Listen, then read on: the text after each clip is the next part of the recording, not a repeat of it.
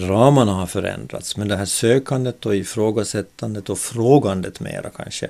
Så det har funnits hela tiden. Peter Appel är 51 år gammal och de senaste 20 åren har han jobbat som företagare i Jakobstad.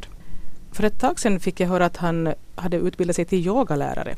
Och det där tyckte jag lät intressant så jag frågade honom när vi råkade äta lunch på samma ställe ifall han kunde tänka sig att någon gång ställa upp och samtala med mig om livet. Jo, det kunde han tänka sig, sa han, men det var trots allt lite svårt att hitta en lämplig tidpunkt för oss båda. Till slut lyckades vi i alla fall enas om att han skulle komma hem till mig i Nykarleby. Vi slog oss ner i köket och eftersom det var kallt försökte jag få eld i vedspisen. Samtidigt som jag försökte reda ut ja, ja. från när jag egentligen känner till Peter Appel. Men visst var det så att min kompis Agneta bodde vid Edert och hon jobbade och sköt barnet där? Visst var det så? Det fanns ett litet rum där Just det, ja. bredvid en Jag kommer åtminstone ihåg Peter Appel från tidigt 80-tal när han bodde i Helsingfors och min studiekompis tog hand om hans två första barn som var små på den tiden. Sen ber jag Peter Appel berätta lite om vem han är. Vem jag är? Jag är en person full med gula lappar. Där det står att jag är morgonsömnig, kan ha ett snabbt temperament. Vissa av de där gula lapparna så har jag förändrat under årens lopp. Vissa så funderar jag fortfarande på. Hör det till mig eller hör det inte till mig? Men det som är intressant tycker jag, vad finns under de där gula lapparna? Vad, vad finns det där bakom? Finns det någonting där bakom? Så vad säger du? Ja, det här är ett livsprojekt.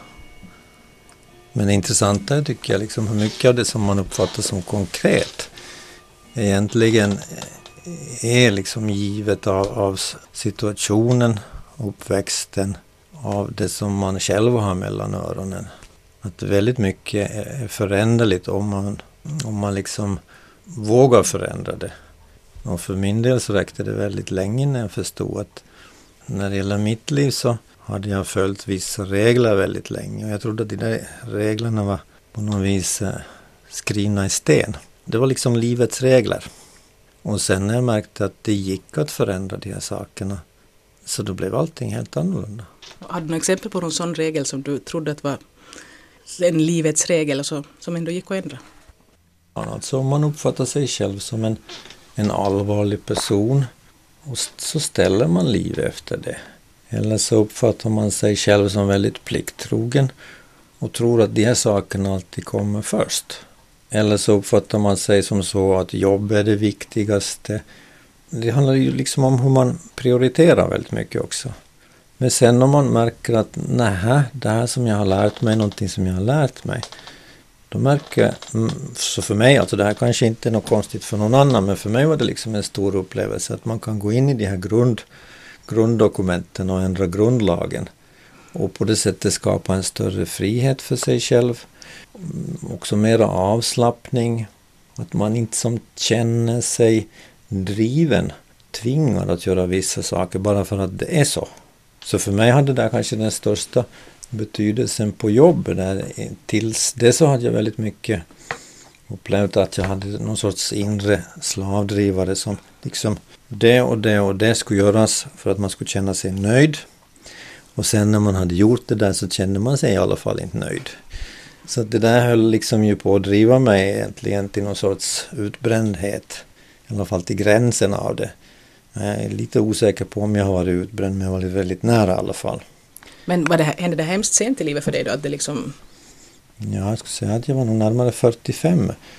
Mellan 40 och 45 när det liksom de här, de här sakerna började rubbas. Det var liksom så starka, starka känslor av hur saker och ting är och hur de bör vara.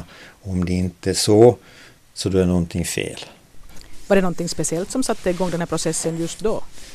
Jag vet inte, jag tycker på något vis att, att jag hela tiden och ändå alltid har på något vis av någon sorts inre drift hela tiden satt mig i, situationer där jag inte borde vara. Så att det på, på något vis hela tiden har funnits den här eh, ja, den här liksom ansträngningen att komma ner på fötterna och alltid har man inte gjort det heller inte. Utan det som hela tiden varit mm, varit också kanske på det planet, just den här inre slavdrivaren, att man ska gå över gränsen, man ska försöka hitta någonting där. Och, så för mig så var det liksom en ny situation det här att börja, börja på ett annat plan, att kunna släppa det här och försöka hitta en annan balans. Och ibland så märker jag ju i alla fall liksom att, att det här sätter igång, de gamla mönstren finns ändå kvar. Men ändå det här liksom att man hela tiden försöker hitta tillbaka till den här balansen. Har du brinner det någon hellon eller inte? Tycker jag som jag ska slockna? Nej, ja. När vi hade kämpat en stund med vedspisen som av någon anledning trilskades den här kvällen så föreslog Peter Appel att vi skulle kunna börja hela intervjun på nytt. Att han skulle vilja presentera sig på ett annat sätt. Okej, sa jag. Det är ju trots allt hans liv det handlar om. Ja, jag heter alltså Peter Appel och jag är företagare. Och sen har jag också en, en brokig religiös historia på det sättet att jag har varit kristen. Jag har varit utan trosuppfattning och nu på senare år så har jag varit väldigt intresserad av, av österländsk filosofi och utbildat mig också till yogalärare. Det här svarar ju egentligen inte på frågan vem jag är men det svarar ju lite på frågan vad jag, vad jag håller på med. Jag är född i Österbotten utanför Jakobstad och jobbade då ett antal år i Helsingfors och sen flyttade jag tillbaka. Så under de senaste 20 åren snart så har jag då alltså jobbat som företagare här. Var du född in i kristna kretsar då? Ja, alltså hemma var väldigt religiöst. Och eh, jag upplevde kanske inte att de, att de, här, de här svaren som jag fick, att de, i längden att de gav mig riktigt, att de kändes tillfredsställande. Så därför har jag hela tiden sökt efter vad som finns bakom orden. Inom kristendomen lägger man väldigt stor vikt vid ord. Speciellt om man är bokstavstroende. Men det här... Kommer du från en sån, en sån bakgrund då? Var det bokstavstroende? Ja, delvis. Alltså det fanns sådana ingredienser i det. Ända fram till jag var drygt 20. Så då levde jag ganska starkt i den här uppfattningen. Och sen då, då gifte jag mig och beroende på intryck från den miljön så lämnade jag den här livsuppfattningen. Så då levde jag som någon sorts, och det är mera kanske en humanistisk uppfattning men det hade liksom inte den här kopplingen till, till en trosuppfattning. Då. Jag kommer ihåg vilken otroligt eh, både skrämmande och stark känsla det här var. Liksom, det var som att byta värld. Den värld som jag hade sett med mina gamla ögon var en helt annorlunda värld än den som jag såg med mina nya ögon. Jag kan ju inte säga att det gick över en natt men gradvis så skedde det så. Och man kan ju säga, säga som så att oberoende vilken trosuppfattning man har eller, eller också när man saknar det så har man, gör man vissa grundantaganden. Och grundantagandet, eller ett av grund, de här grundantagandena när man är kristen är ju kanske att man har någon form av serviceavtal med Gud. Att Gud på något vis sköter om en och tar hand om en och, och allt som sker är på något vis färgat av det här. Så sen då om det här serviceavtalet sägs upp så då, då blir världen otroligt mycket annorlunda. Det är lite som att sluta röka. Att på alla ställen där man van att ta en cigarett så där tar man ingen cigarett. Det är, som, det är någonting i grunden som förändras i hur man tolkar det som sker runt omkring en. Sen när jag flyttade tillbaka så kom då också det här österländska in i det hela. Som en slags syntes kanske av de här båda. Att det finns rum både för för en andlighet men också den här rummet för att undersöka verkligheten.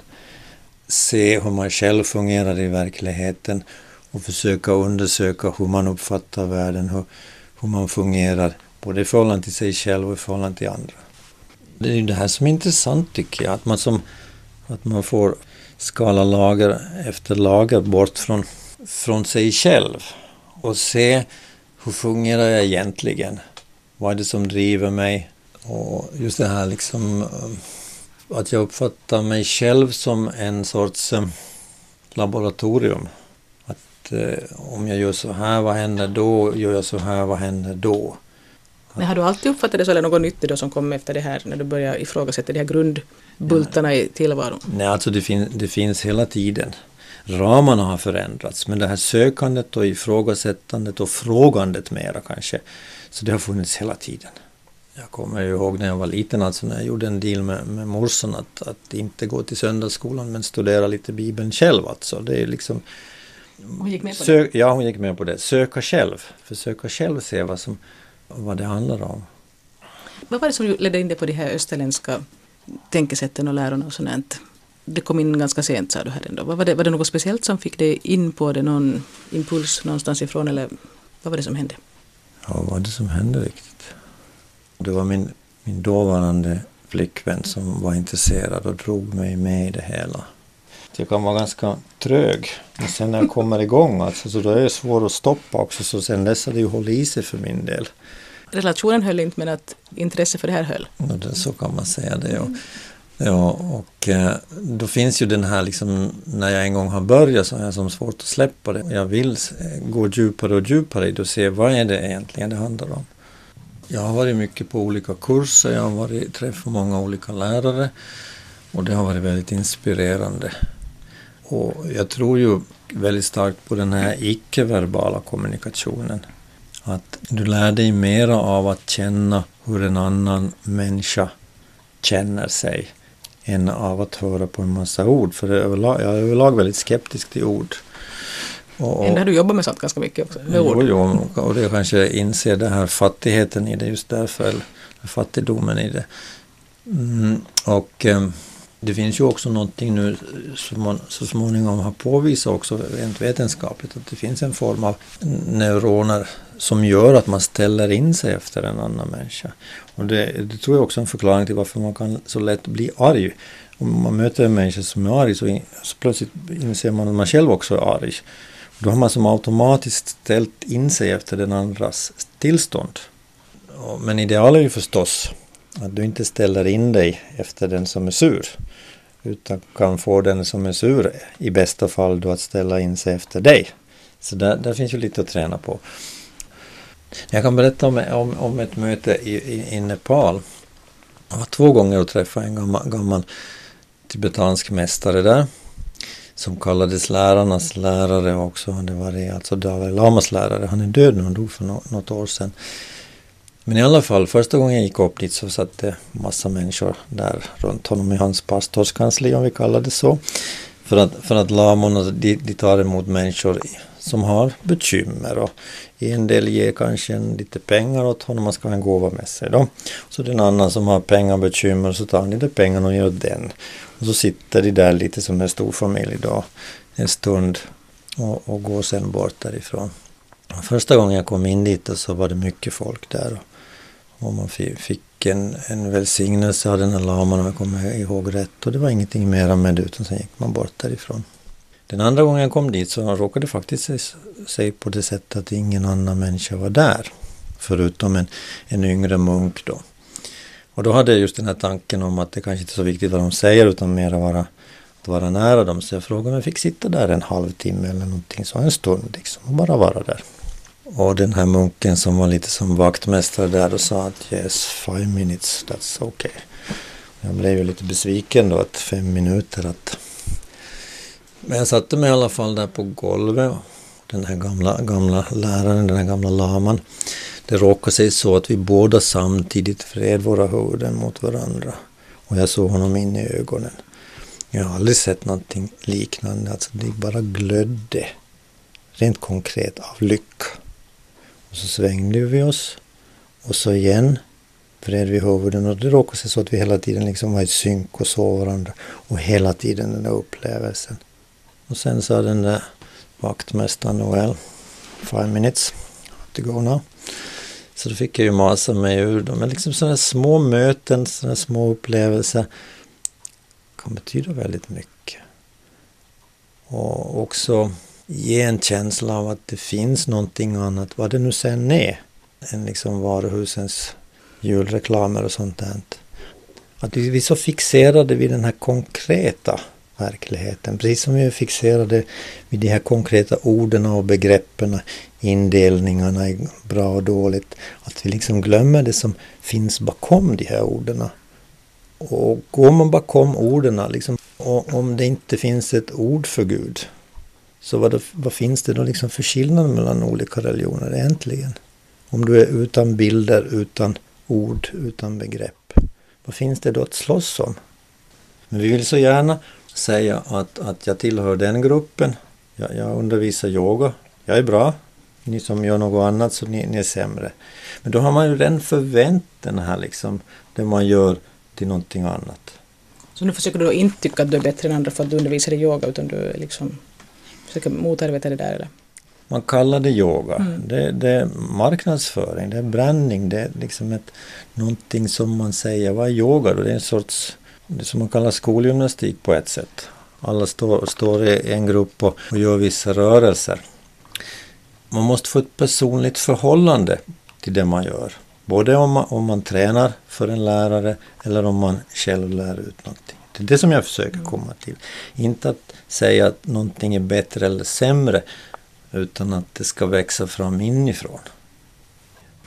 Ja, du tycks ju ha haft en sån där ifrågasättande inställning till allt möjligt. Så vet jag att du har varit gift ett par gånger och, och det där. Ja, man var gift en gång. no, okej, men du har, mm. bott, du har barn med flera olika kvinnor. 14 gånger kan man väl säga, så låter det mer spännande. Nej, men att du har liksom, du har inte heller valt att stanna kvar i ett och samma par förhållande livet ut. Och du sa att du just har flyttat in med någon person som jag antar att det är din nya kvinna, mm. eller som du nu då bor med. Så att du tydligen där också ifrågasatt och gått vidare och kanske då om inte det har känts okej okay, så har du brutit upp. Det finns ju många människor som istället tycker att okay, det är ett värde i sig att bita ihop och stanna med någon som man har valt oberoende om det nu är så himla bra eller inte. Ja, jag har också försökt bita ihop. Jag har bitit ihop och vi har bitit ihop och, och det, är som, det är som om man i förhållanden som av olika orsaker då inte fungerar skulle kunna hamna in i någon sorts kortslutning. Alltså först verkar det finnas ett det, det, måste finnas någon orsak till att man, man söker sig till varandra. Man kanske inte vet vilken den där orsaken är men i alla fall man hittar varandra. Men där är det igen det här samma, att det som är, är gott kan plötsligt liksom förvändas till någonting annat. Och det som det skulle uppstå något slags kortslutning ibland har jag upplevt alltså i de förhållanden som jag har haft. Och de här kortslutningarna har kunnat bli fler och fler och på något vis har det förstört förtroendet i förhållandet. Och, och det där...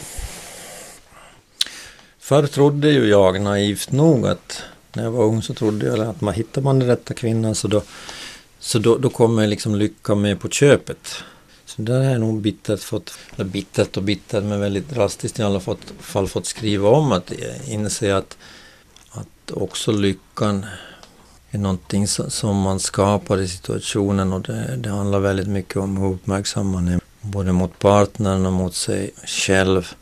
Och det kan ju hända att man inte har tillräckligt liksom mycket kunskap, mycket, mycket insikt till en början för att det är alltid tråkigt att, att sätta igång ett projekt som ett förhållande är om man har barn i det och det sen, sen inte lyckas.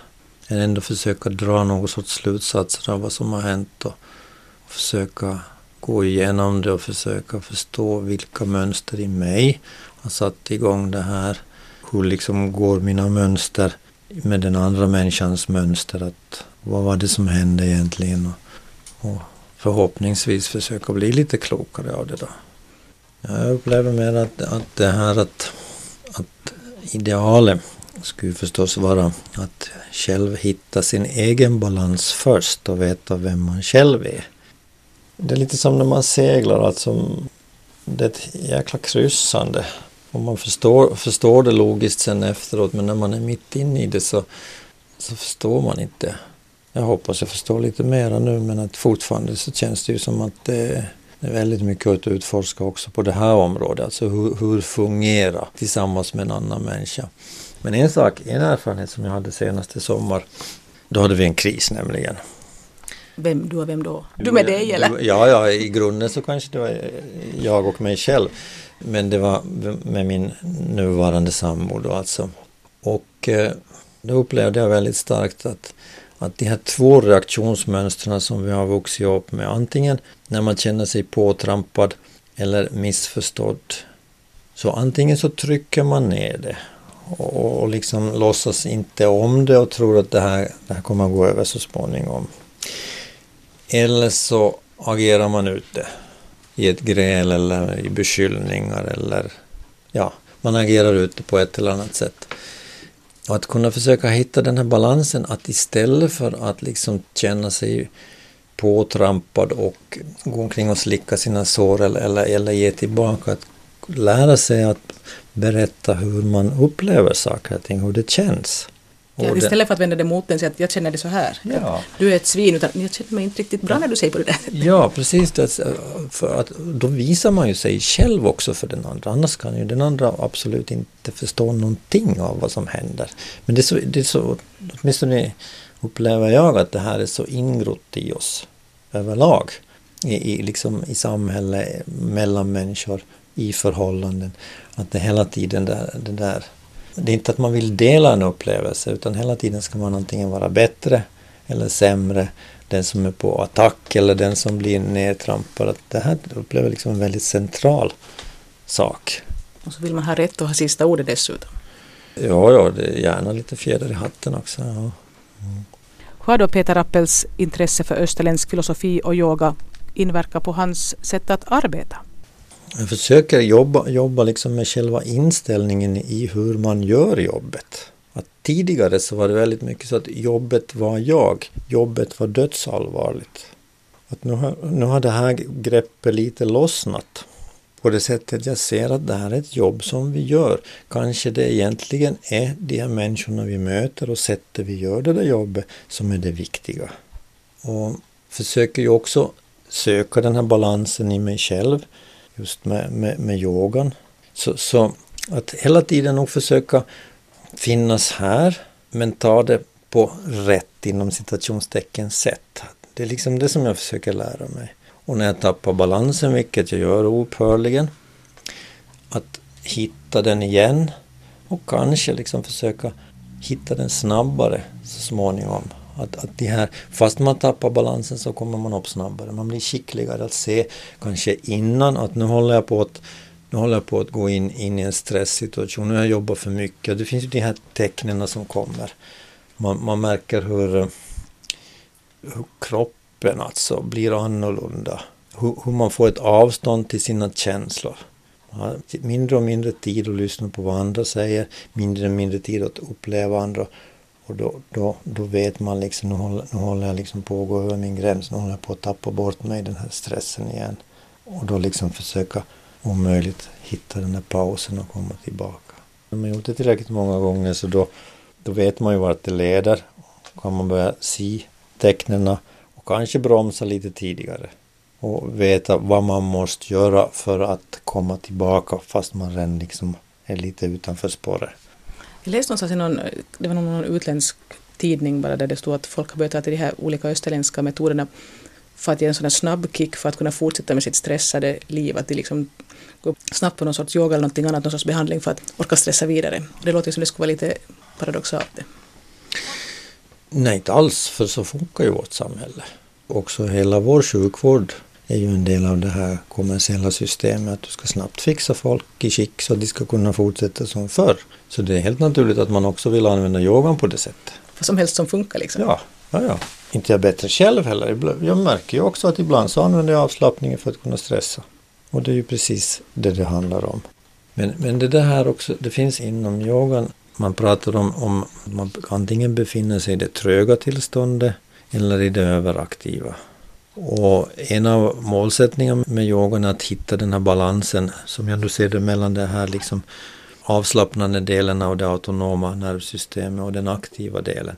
Så att du kan vara klarvaken men avslappnad. Och göra jobbet i, den, i det tillståndet. Och det är ju inte så välsignat att man sådär bara kan börja göra på det sättet.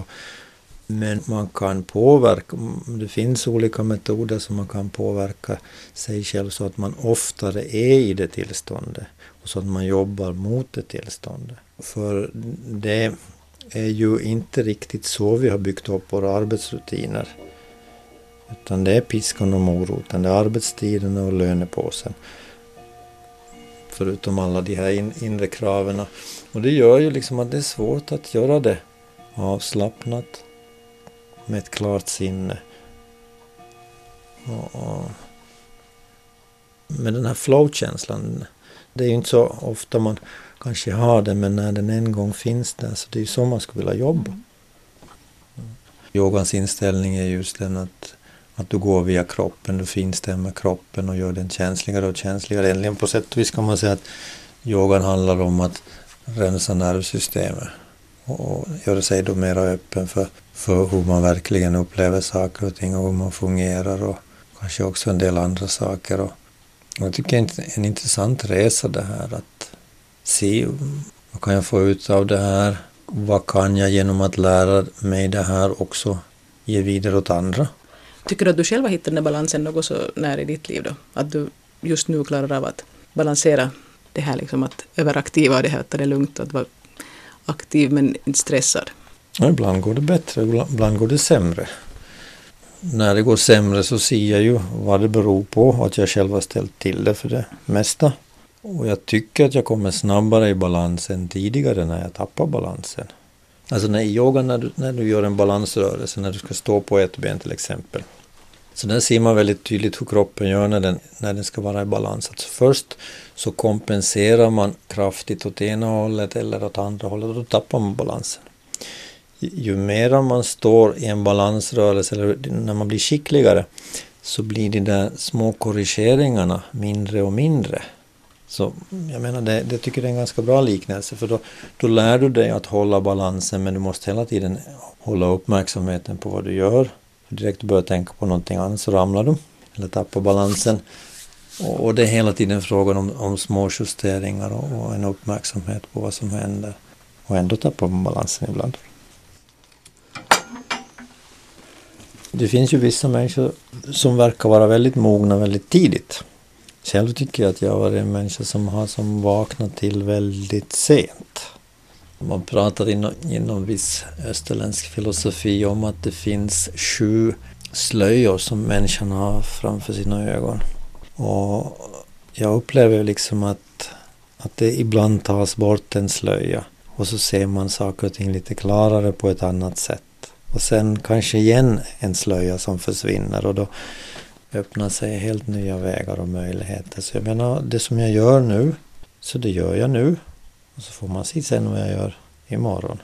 Nu märker jag på mig själv att eh, jag vet inte hur man, ska, hur man ska vrida och vända på det där egentligen. För jag menar, man har fått vissa saker och man har inte fått andra saker och man vet ju inte. Som jag nu har tjatat om här under hela tiden. Man vet aldrig liksom när någonting någonting är en gåva eller någonting som hindrar en. Man får, får bara liksom försöka hitta, hitta ett sätt att hantera sin situation. Skulle du säga att du för tillfället är en sån där människa som är lycklig och nöjd och tillfreds med livet eller hur är det med den saken? Där skulle jag egentligen vilja citera min lärare, alltså en man som är väldigt kär för mig som heter Lakka Lama en tibetansk lärare, eller tidigare munk som nu lever som en gift man i Danmark. När de frågade av honom då att Are you happy? Så väntade sig ju alla då förstås att han skulle säga Yes, I'm very happy. Men han sa bara så här I'm okay. Och det, om jag vågar lite tolka honom så tycker jag det är en bra inställning för direkt du liksom säger att du är lycklig eller någonting så då skapar du en förväntning, ett tryck på att du ska vara där och en väldigt stor möjlighet för att du sen svänger över till den andra sidan. Men om du är okej, okay, så då är du i mitten, du är i balans och du står förhoppningsvis med båda fötterna på jorden. Mm. Skulle det svara samma sak då? Ja, så, ja jag, tycker, alltså, jag tycker det var ett väldigt klokt svar så att du får nöja dig med det. Så du menar det gäller för dig det också? Bästa fall. Jag ser plötsligt att Peter Appels telefon ligger och blinkar ivrigt utanför hans synfält. Det är någon som vill något av dig? Ja. Hej. Ja, jag är nog här. Ja. Okej, okay, mer. Jag dyker upp. Hej. Nu måste jag fara. Du fick hembud. Ja, nu är det kanske någonting annat. Men... inte min värld. Men jag kommer inte heller från den religiösa bakgrunden.